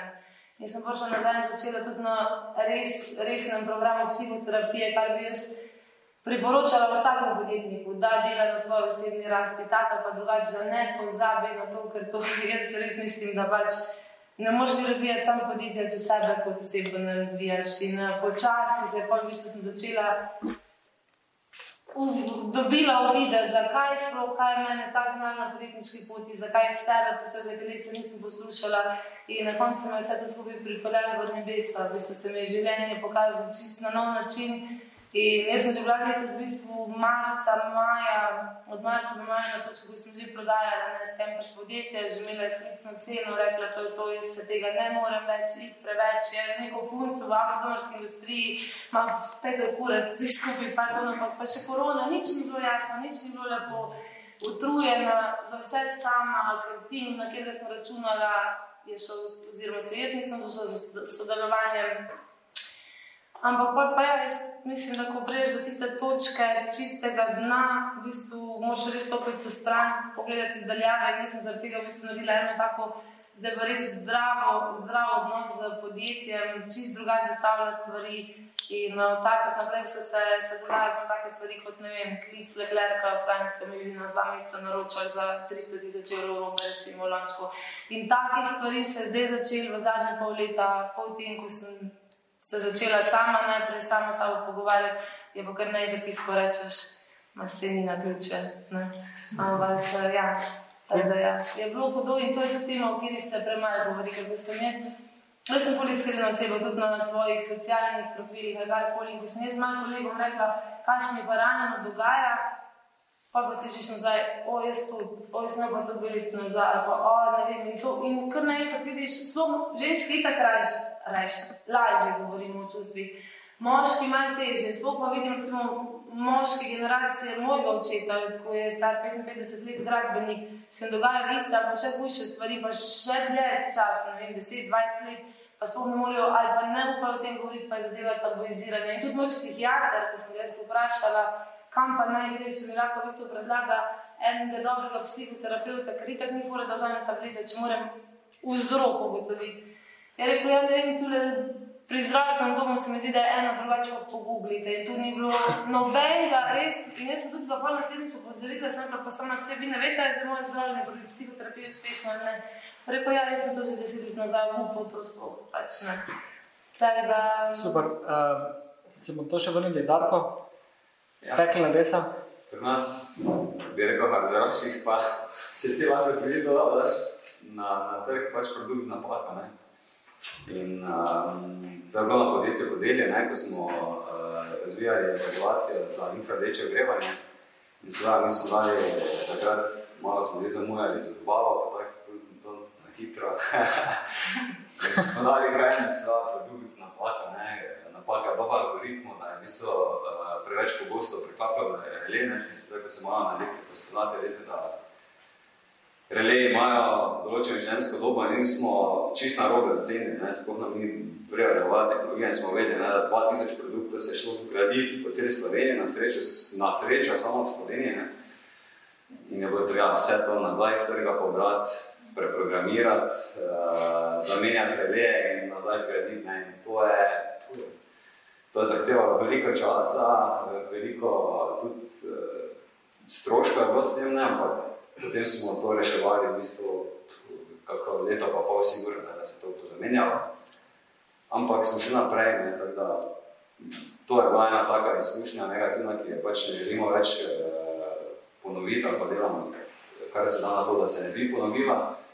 Je pa res, da vsega ne moreš predvideti, ne, se zgodi.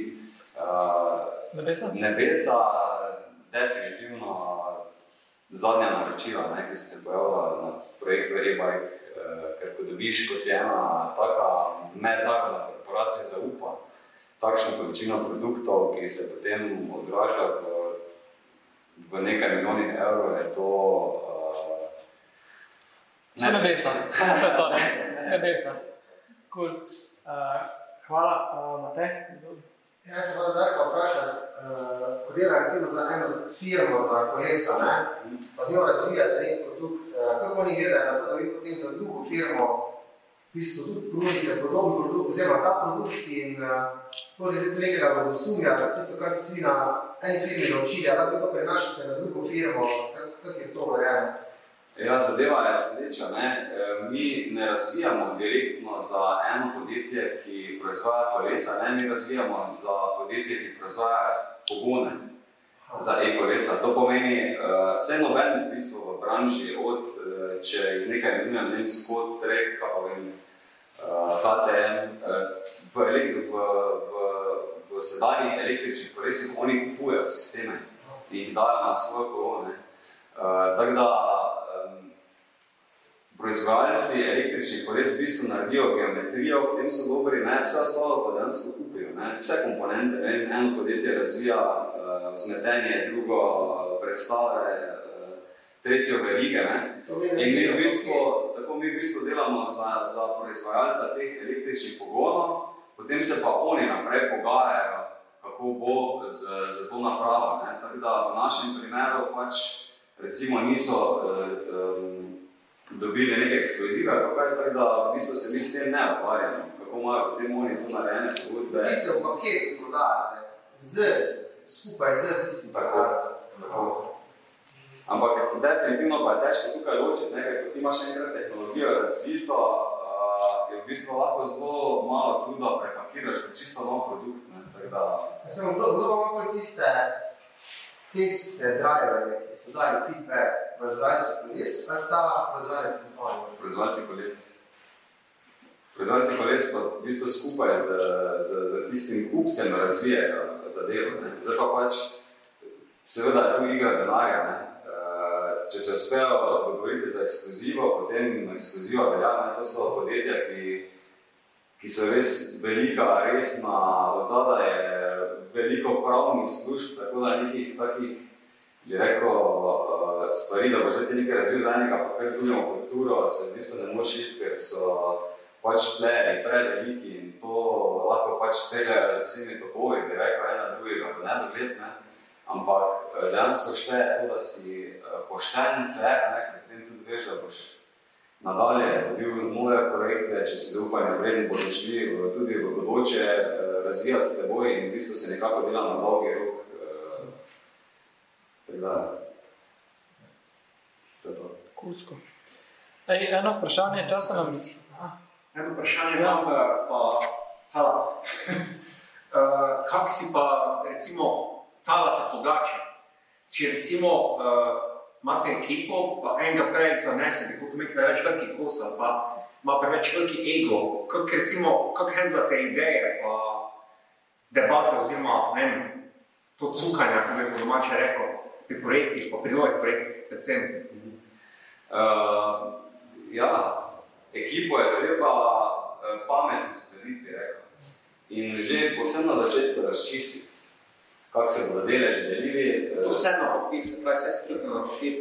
hm, Ja, Ja, Ja, je Pa pametno. ne ne, samo deleže, pa tudi zadolžitve. Tako.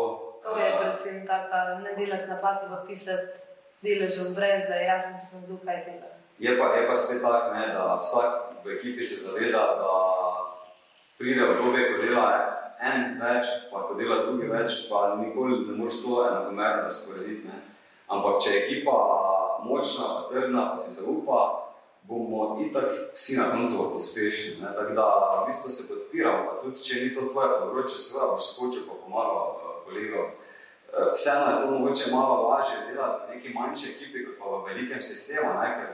Ti veliki playerji imajo tako, imaš ti ne vem, deset produkt managerjev, pa on bi vsak imel svoj sestanek na vsako uro pa bi te gnjavo, pa bi samo si zapiske delal, kako dalje si, ne, ti pa imaš ne vem, ekipo petih ljudi, ki noč in dan uh, razvija, uh, ampak v osnovi treba določiti, mi smo se v ekipi zavedali, da bo pač razvojni del mogoče v prvi fazi malo več, pa potem v drugi fazi uh, neka administracija, pa v spet v mestni fazi je treba seveda produkt prodati, pa bo spet neki drugi del ekipe več delal, ne, ampak Nekaj sproti se tako spreminjajo stvari. Sigurno, ne, in uh, jaz mislim, da je pomembno, da se pač ekipa zaupa, pa da na začetku pač razčistiš, kako se bo delilo. Ne. Vsak, je pa pomembno, da se vsak zaveda, kaj bom doprinesel k ekipi, pa ne samo doprinesel, ampak tudi uh, koliko dela bom mogel vložiti v to, da bomo nek, nekaj dosegli. Ne. Ampak če poznaš trg, približno veš, kako deluje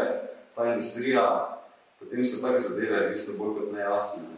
Eh, Mogoče, če samo še dodam eh, dve zadevi, ki sta se v našem primeru izkazali, ker ima se pet soustanoviteljev in mi smo vedno poslušali. Dva soustanovitelja, ok, trije, no, to bo že tako, ne, pet vas je, to pa bomo videli, ne, kako bo. Uh, recimo pri nas verjamemo v brutalno iskrenost, uh, tako da pač po domačem mislim, da šparamo.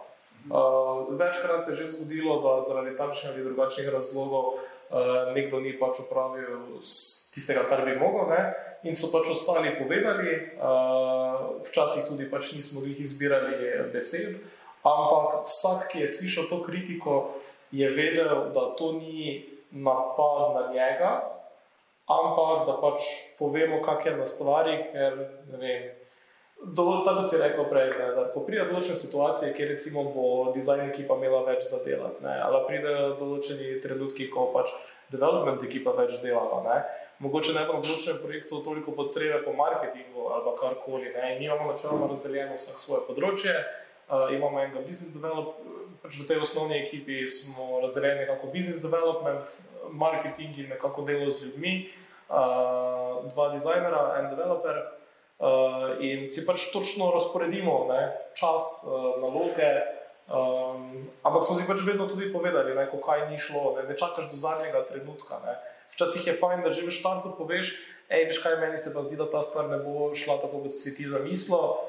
Um, ampak je pa potrebno ful razumevanja tudi osebe, ki to posluša. Ker dosti krat, ko so egoti, ne. Um, čisto tako, ne. Jaz lahko rečem, je vaši dizajnerji so ok, ne. Uh, ne res, res, res, prenesejo kritiko. Uh, ampak, recimo, jaz ne morem pametovati nekemu programerju o ne vem, temu, kako naj zgradi nek sistem, zaradi tega, ker jaz nisem programer. Ne. Ampak, če je pa na drugi strani pač tvoj sogovornik pri, pač toliko pri sebi, aha, ok. Ta oseba gleda z drugim parom oči na to isto situacijo, vidi nekaj, kar jaz ne vidim, in to sprejme, potem lahko gremo pač dalje. Uh, in pa tudi uh, pač na koncu dneva imamo vsi jasno ločeno svoje življenje od podjetja. Ne?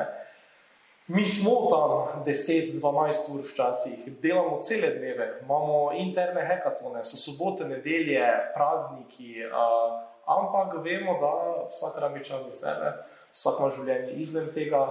Uh, zato tudi, recimo, vem, mi ful delamo na tem, da smo remote. Uh, Simon, ne, eh, recimo, ima apartma na Krku ne, in je lepo delo skrka nekaj časa. Ne. E, jaz sem bil pač eh, v pisarni, pa sem kuhal kafe za ostale. Ne. Ampak, več, dokler je delo narejeno, pa dokler pač se ve, kdo kaj. Ne, uh, Imate vi enake deleže? Ja. Okay. Pri vas tudi? Ja. Okay. Uh, Nina, pri tebi pa ni šlo vse tako super. Kaj pa, kaj, pa, kaj pa to rešiti? In kaj, in kaj si se zdaj isto naučila, da bo ta tretja zgodba podjetniška, uh, da ne boš ponovila teh napak? Jaz sem začela mojo podjetniško pot v bistvu z takratnim fantom. Uh, skupaj smo potovali po Novi Zelandiji in ko smo prišli nazaj, smo brez bo odprla del 50-50, pa to še kar tiska pod notarju, veš, da viš družbeno pogodbo, brez da sploh karkoli dorečeš. Ne, ali se bo. Po meni še tako kot moj fotor, ko je podjetnik rekel, ne se zafrkavati, napišite resno pogodbo, tako je treba, pač nikoli ne veš. Pa si mlad, pa se rečeš, pa ne, pa to je eno otrok, to je važno, da bo sam fajn, pač se pa bilo to narobe. Um, ampak tukaj smo v bistvu in tu se je zgodila napaka, ko smo vstopili v to brez nekega iskrenega, resnega pogovora. Pa jaz mislim, da tudi če bi se usedla dol, ne bi bistvu se zares znala o tem pogovoriti, ker nisem vedela, kaj naj čaka. In medtem, ko sem šla jaz v to 100%, sem v bistvu napačno pričakovala, upala, da tudi oseba ob meni gre v to 100% in da je to neka deljena odgovornost, tako kot bi bil otrok, deljena odgovornost, ker pač si smo pač oba šla v to.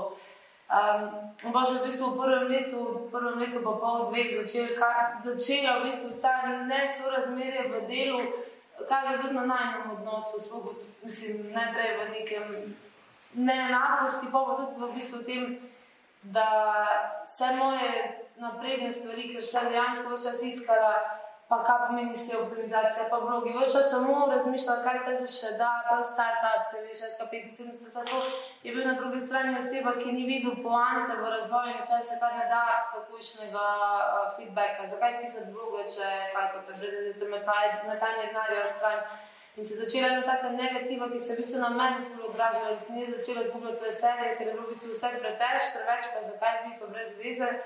Um, Mene se v bistvu pol leta potem, ko smo začeli z nas campersi, sem začel, v bistvu se začela tudi prodaja v kapslončku, ker smo mi že v prvem letu naredili več kot 100 tisoč evrov prodaje, s tem, da je bit takratni partner bil izjemno proti. Da bi tudi razlog, da sem skuhal kapslončka od nas campersi, In je bila še tam ena taka zgodba, kjer nisem dobila nobene podpore. Kakorkoli najna zveza se bolj za vseh teh stvari in vsega ostalega končala in nisem mislila, da bomo lahko še naprej oba smo mislila, da bomo lahko normalno nadaljevala partnerstvo v podjetju s 50-50. Zdaj sem pričakovala, da okay, zdaj, če se bomo nekaj ločimo kot partnerja osebno, da bo vsaj začel delati teh 50% oziroma prevzel svojih par procentov, ki so manjkali do 50%, samo se to ni zgodilo in pa je v bistvu trajalo eno leto takih nefer odnosa, leži meni pa gostom in je težko v bistvu, ko si nekom v podjetju rušil vse, kar si ti delal pa gradil.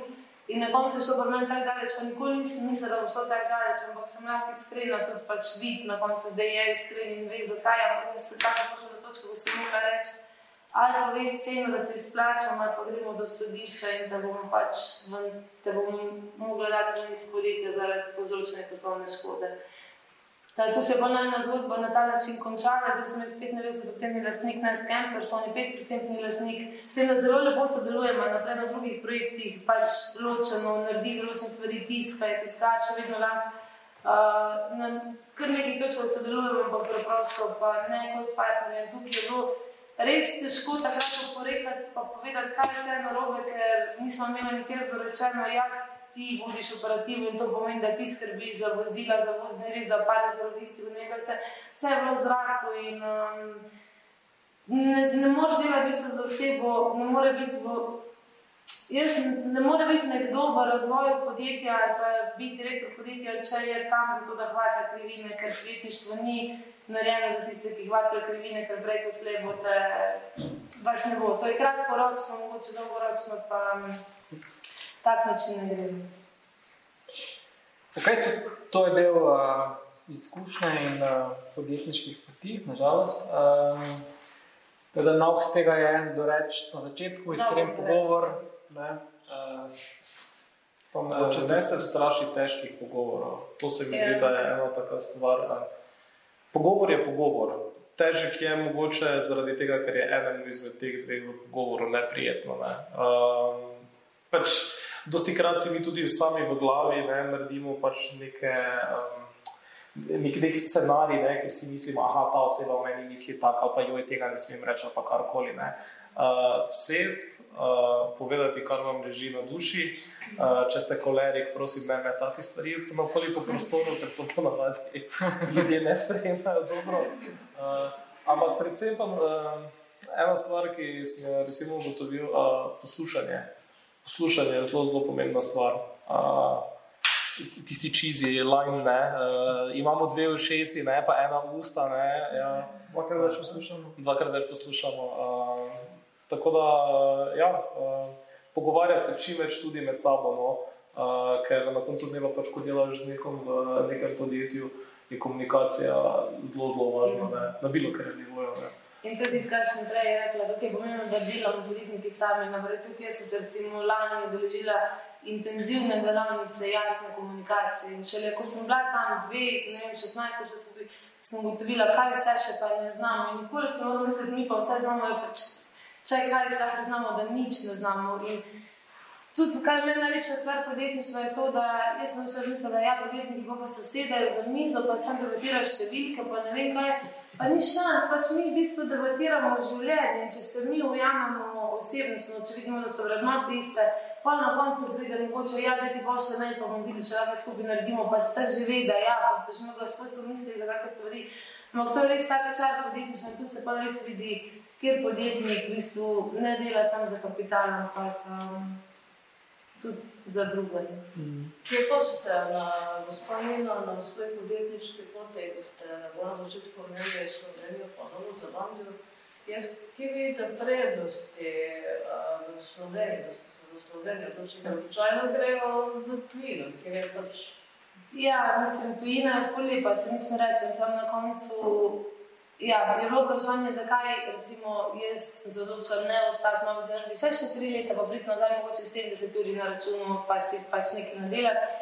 Sam jaz po enem letu, ko sem, sem prepotovala že 40-50 držav do zdaj in na koncu, ko sem šele, ko sem bila na Novi Zelandiji po celem letu, pa v bistvu videla, da sem že, da skoraj ne vem več, kam naj grem naslednji vikend, ko sem že skoraj vse lepe zalive, pa peščine, pa ne vem, kaj vse tam videla sem začela razmišljati, da sem imela samo doma tri sestre, ker naenkrat sem bil prepoznala vrednoto domovine. In ko si ti dva dni v stran, pa vidiš, da boš tam začel vse iz nule, vse so ful prijazni ljudje, sam niso pa zares domači. Kadarkoli je bilo kaj narobe, imaš ti, ne vem, ena ali pa dva dni si v stran od Slovenije.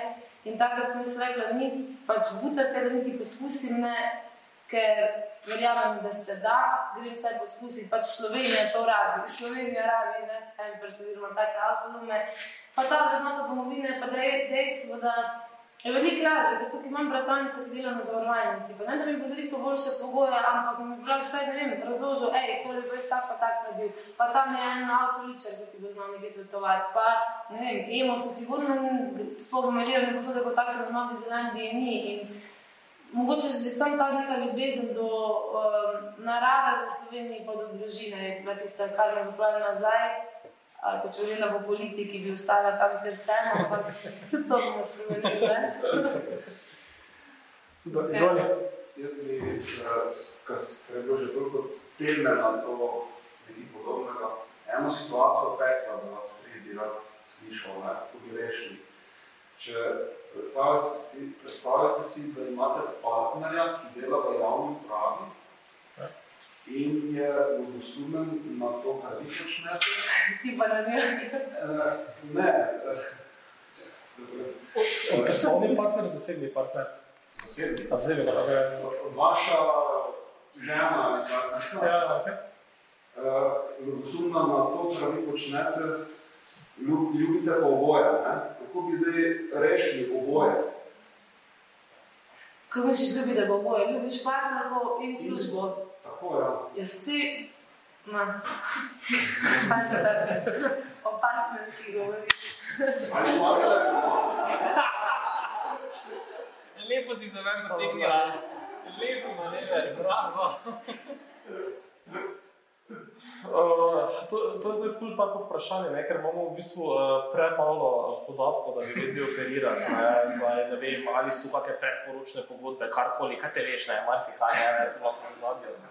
Ampak ne, čisto tako. Um, v enem trenutku uh, je fajn, da pač poskušaš razložiti, ne, da če, če je ta partnerka ne, toliko pač, uh, ljubezen? ja, ljubezen tvojega življenja in pač vse ostali pridevniki, ki pridejo poleg, ne, uh, bo verjetno razumela, pač, da, zato, da se boš pač ti vrejo počutil, da boš aktualiziral sebe, da pač moraš to delati. Ne, um, ker realno gledano podjetništvo je v bistvu že na nek način stil življenja. Ne, uh, Zato sem izpostavil, da je v dela v javnem sektorju. Vi ste Ampak prej, ja, samo dobro. To je na kaj ljubosumna, ljubosumna na to, da je tak kult tvoj šik, da imaš fajn sodelavce, če je pa dolg čas, ali da preveč časa delaš, pa ona nima časa s da tabo. porabljaš čas za to, kar ti delaš, in namesto, da se bi ukvarjal z njo. Pa ga res? Gledaj prej povedal, ne. Delate, ampak potem čas za sebe. Ja, to je nujno. Ja. Veš, to je pa to, pa to, ne to pa ti v bistvu delaš nezdravo, Nisem pa napako. da so biznis, ampak je tudi. Je tudi Ja. biznis. Ja, samo če je značilnika, če je značilnika industrijalec, potem bo delal 14-16 ur. eh, Recimo, to razlaga. Jordan Peterson razlagal ful o tem, ko recimo je industrijalec, pa dela, dela, dela, pač moraš vedeti, da ne pregoviš, ne, se pravi, moraš imeti tisti dan, da si napolniš baterije, ampak on ful razlaga o tem, kako se loči eh, psiha onega, ko recimo non-stop dela, pa non-stop rekreative, se zdaj neki zgodi po mačarski cirku, ne. Mislim, jaz mislim, da je nujno, da podjetnik pride do točke, ko lahko reče, zdaj pa jaz za tri ure ugasim telefon, ker se želim preživeti čas s tabo in bo ona začutila, da tu ni ali ali, ampak je to in to. Ne bom imela težav, če si pa po treh urah rekel, da jaz moram pa zdaj reči za dve uri na računalnik, ampak ne bi tam dve uri z njo pomest na telefon gledati, pa delati drugih stvari. Ja, ja. Ker bo pa res, a veš, ko si pa pol, pol, pol pa v bistvu nisi fair, ne do ene, ne do druge stvari. Jaz pa vedno rečem, Liba je center, mogoče tudi njo vleče ta svet, pa ji pokaže, da je možno, pa da so vrata vedno odprta, vsem ljudem, da to niso zaprti krogi.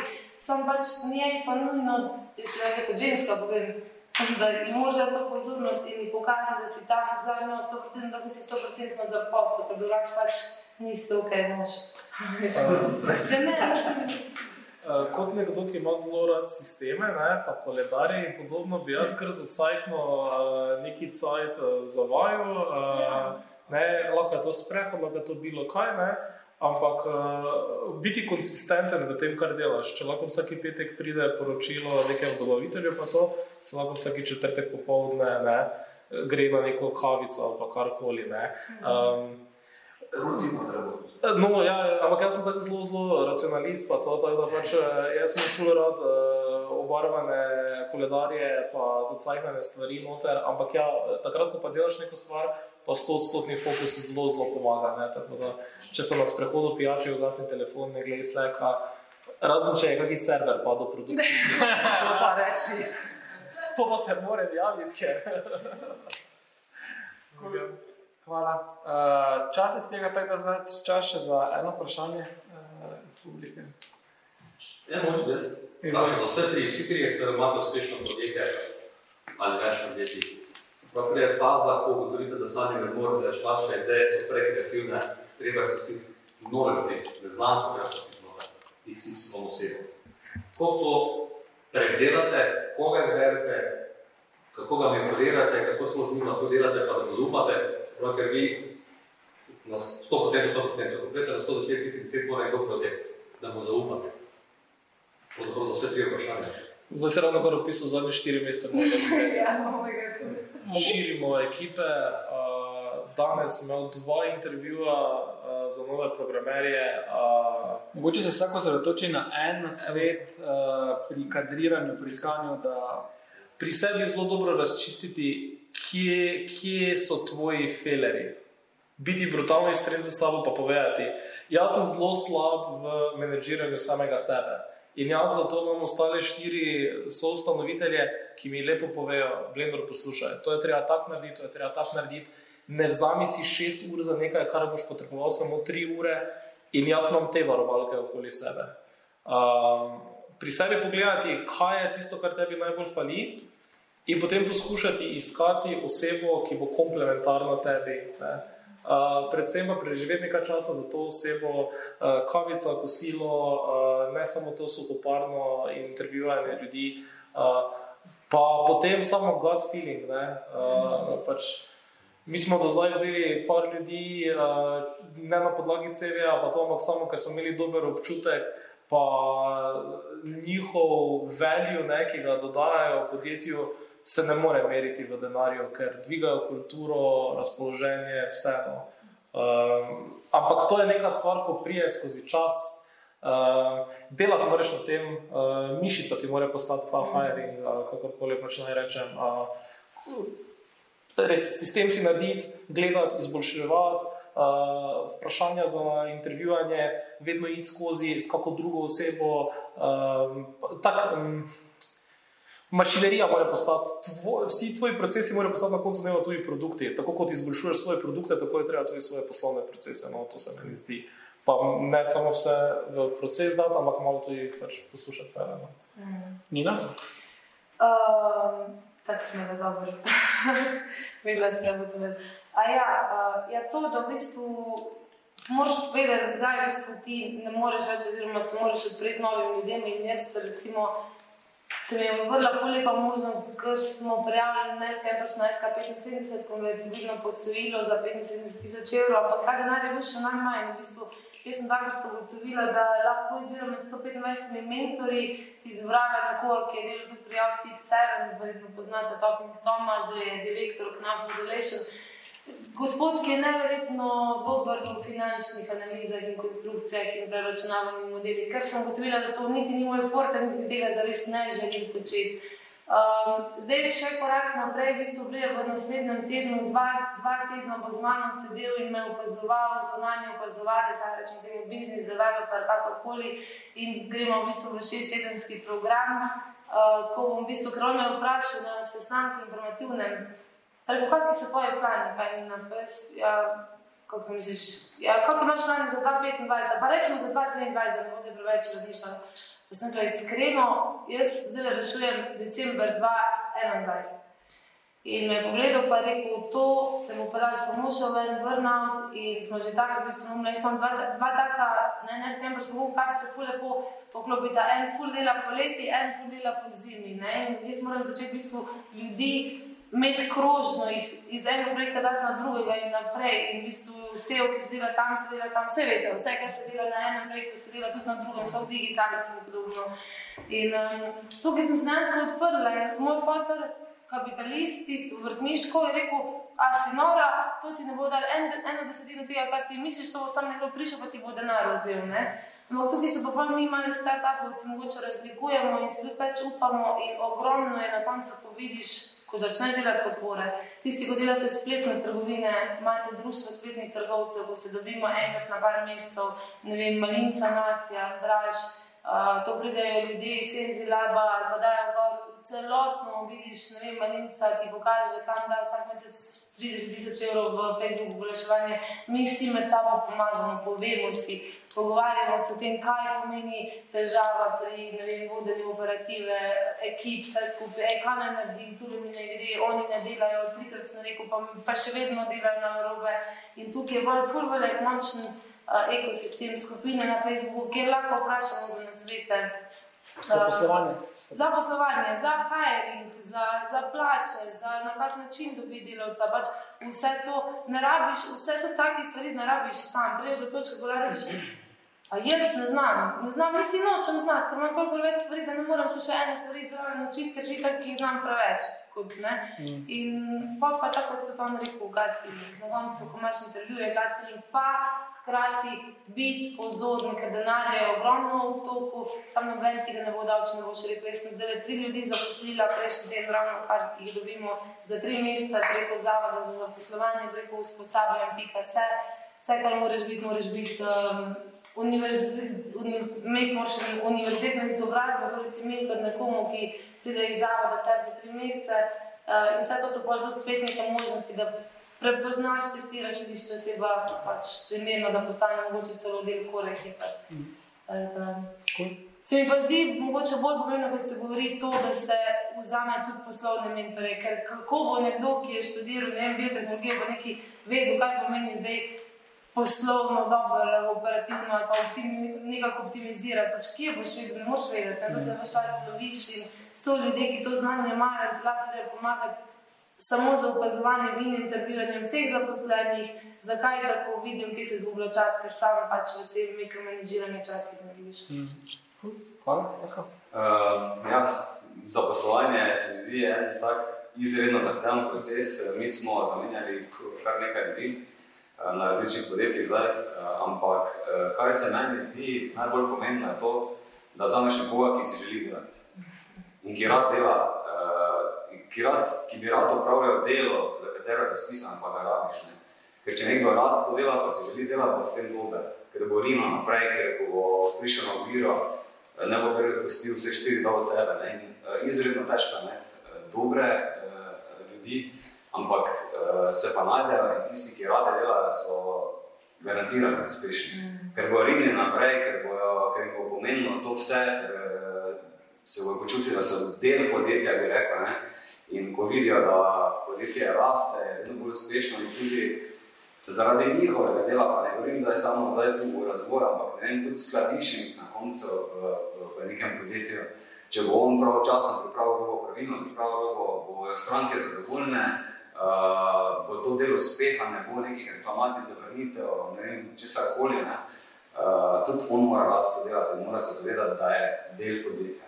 In, in hkrati še ena pomembna zadeva, ne, uh, jaz se poslužujem tega principa v zadnjem času, da dajmo ljudi nadpoprečno dobro plačati, ampak jih uh, zahtevamo tudi od njih, uh, mogoče malo, da dajo nekaj več, da dajo, da so odgovorni, da znajo prevzeti naloge e, in da, da, da, da se pač tudi mogoče na nek način nadpoprečno trudijo, ne pomeni, da morajo 14 ur na dan delati za podjetje samo.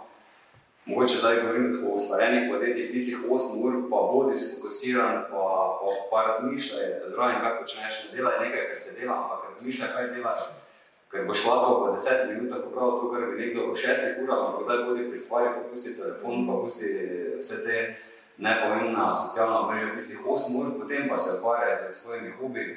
In mislim, da je nekdo, tako sem že prej povedal, ki rad nekaj dela, ki bi rad nekaj dela, ki bi rad bil boljši v nekem segmentu ali pa v, v, v, neke, v nekih uh, aktivnostih, bo definitivno uspešen na dolgi rok. Sicer se rezultati vedno ne pokažejo, ne? vsakem moraš dati nek čas, Uh, imeli smo primer zaposlenih, ki so bili vem, prve tri mesece katastrofa, pa sem se že mislil znobiti, pa sem se odkrito z njim pogovorili, ne, to bo pa eh, kolega vedno ne, totalna iskrenost, pa se potem popravili, pa se zdaj fena. Ne. In, in na tak način se mi zdi, je za enkrat za nas eh, Mogoče samo še en trik za zaposlovanje. Ne? Uh, probajte si nastaviti dobre filtre, ki iščete ljudi. Ne? Prideš na en taki dogodek, kot je to tukaj, ne? tukaj vem, 20-30 ljudi, ki so že tisti prvi kriteriji izpolnili, torej zanima jih ta zadeva. Ne? Uh, če greš, ne vem, ali na dogodke tovarne podjemov, ki pač ima res dosti dogodkov, ne? ali greš pogledati Facebook skupine ali pa karkoli. Ne? Networking je tu zelo, zelo pomemben. ne. Uh, če iščeš recimo, ljudi, ki jih zanima biznis, boš prišel na takšen dogodek ali pa na bilo kateri drugi dogodek. Če, te, če iščeš programerje, boš šel na ne, neke meetupe, ki so za programerje. Ne. Če iščeš vem, uh, dizajnerje, boš verjetno šel ne, na neko razstavo ali karkoli, ali pa neki event, kjer veš, da so dizajnerji. Ja, ne. v skupino, slovensko oblikovalci, pa tako. ne. Vse je, če ne, ni treba vedno online, lahko tudi na, na, na spletu tega res veliko. No. Sam pač ta proaktivnost, vam pokukati, uh, tukaj v Mariboru imate fule, imate vse neki ekosistem, celje tega sploh ni. Sem res začela iz nič, prej da bi lahko sploh kogarkoli vprašala, zdaj pa vidim, da je teh skupin že naokoli vedno več. In dejstvo je, da smo si mi med sabo ful pripravljeni pomagati in se informacije ne skrivajo. Prav niti se slovenske logike ne bom dal, zato da bo sosed eh, imel bolj zeleno travo. Ne, ne, imel bolj zeleno travo, bomo šli k njemu na piknik, ker bomo vsi imeli več od tega. In res je taka, res je taka ful zdrava mentaliteta se je rodila med nami mladimi podjetniki in je to ful lepo od tega. To je tudi en tak del nebes. Lepo zaključna misel, izvoli. Eno vprašanje je samo, mogoče čisto v začetku, kaj je bilo tisto, pa da ste šli v podjetništvo, zakaj, pa nasploh, če, če ste imeli neko stalno zaposlitev ali pa vidik finančne stabilnosti, ne, tisti rizik. Okay. Uh, ja, uh, jaz sem delal kar nekaj časa, uh, preden sem, delal, preden sem prešel ta full time na Clover, uh, sem bil zaposlen uh, v enem slovenskem podjetju, pri Bitstampu, uh, ampak je bila ta tranzicija planirana. No. Uh, mislim, planirana je bila večji del časa, pa v enem trenutku bilo toliko dela, da sem pač bil, no, gledaj, uh, fajn je imeti tudi pač nekaj časa za sebe, in potem pač um, smo pač prišli na Clover. Ja. Ja. Jaz sem pa študirala kognitivno znanost, ko sem zanimala možganje, ampak sem pa ugotovila med magistrsko, da res nisem za laboratorij, neko statično delo. Pač to nisem bila jaz, nisem pa vedela, kaj bom za življenje počela. Je pa res za moj oče, je imel svoje podjetje, gradbeno podjetje, še vedno doma, tako da mi je bil mogoče ta svet podjetništva. Ni bilo čisto, nisem bila bila iz javne uprave, pa da bi zdaj v bistvu videla, da je to nekaj, kar, kar ne vem, nelogično vedela. Dejansko sem vedela, aha, ok, se če moram če hočem delati, pred moram iti pa na event točko, pa sem rekla, ja, ti koliko moram zdaj na to plačati, 7 ur pa pol. Tako da vse res neka osnovna, uh, mogoče odgovore sem lahko dobila ful hitro že pri njemu. Mm, ampak tu se pa bolj tudi ful hitro končali, zato ker on je dejansko si želel, da vsaj ena od štirih hčerk, hčera bo mogoče delala naprej, to kar je on začel, pa nobena ni. Um, jaz sem pa pol, ne vem, pač tisti polog iz Nove Zelandije sem itak imela nekaj našparanega denarja, vsake kupu enega berlingota, smo ga predelali pač za najnižje prihranki. Najnižje prihranki so bili na začetku vse, kar je bilo, bilo tukaj nobenega izposojanja od staršev. Uh, pol naslednjem letu, oziroma v drugem letu, ko smo šli pa pač povečati floto, uh, še za šest kombijev, takrat je bilo v bistvu prvo resna investicija, oziroma posojilo 50 tisoč moja družina 50 tisoč, njegova družina, ampak je to že odplačano. No. Da, da tukaj je bil en tak lepo fate naših najemnih staršev v naju. Seveda pa ni bilo spet lepo fate, ker na koncu to ni, da ti vržeš denar v startup, ker nismo klasični startup, ti vržeš denar v avto in na koncu nič drugega, imaš ti še vedno tam vozila njihova vrednost je praktično še povečana, ker so bili predelani za zelo malo denarja in ne. Google Caps pa nič, pač iz vse stolončko nastane tako velik. Pa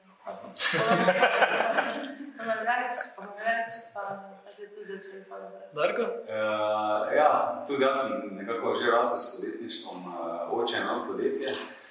Uh, sam pa sem začel zato, ker sem po um, končanem izobraževanju, je bila tista taka mala kriza v gradbi, šla sem stvar, se že svet grad, nešto zanimivo, ne, zato delam elektronike.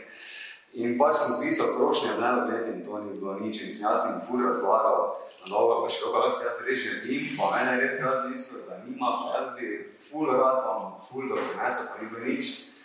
Pa je prišel do mene pač kolega, ki je bil tik pred tem, da diplomira, pa je rekel, ej, meni je, meni je profesor rekel, da bi lahko izdelal neko regulacijo za igro plivanje, to pač to nič ne obstaja, pa sem jaz rekel, pa kako ne obstaja, jaz poznam človeka, ki največ tega v Sloveniji proda, gremo, bomo vprašali, ne, če, če, če obstaja kaj na tem področju. Smo se dogovorili za sestanek, so tiste čakali tako dolgo, se da, ne podjetnik ima časa za neke tam študente, ne bi rekel. In bolj valjda mi doprijemo tja, um, mu narišemo na list, gospod ni niti znal, brat grafa rekel, meni se to fulo da sliši, če ta videl to skupaj s tolo, jaz sem to kupoval. Sem rekel, dobro, pa gremo, ne, ni vam to znamo. Uh, in pač delali posel, ne. To so mnogi prvi koraki podjetništva. Cool, evo, odlično. Uh, ful dober, ful dober zaključek. Um, uh, lep večer in se vidimo. Ti je bilo všeč? Da ne boš zamudil novih epizod, klikni subscribe. Veseli pa bomo tudi tvoje ocene, komentarja in delitve, da za nas vedo še druge radovedne glave. Pobrskaj po naši bogati zbirki pogovorov, gotovo se v njej skriva še kaj zate. Se slišimo?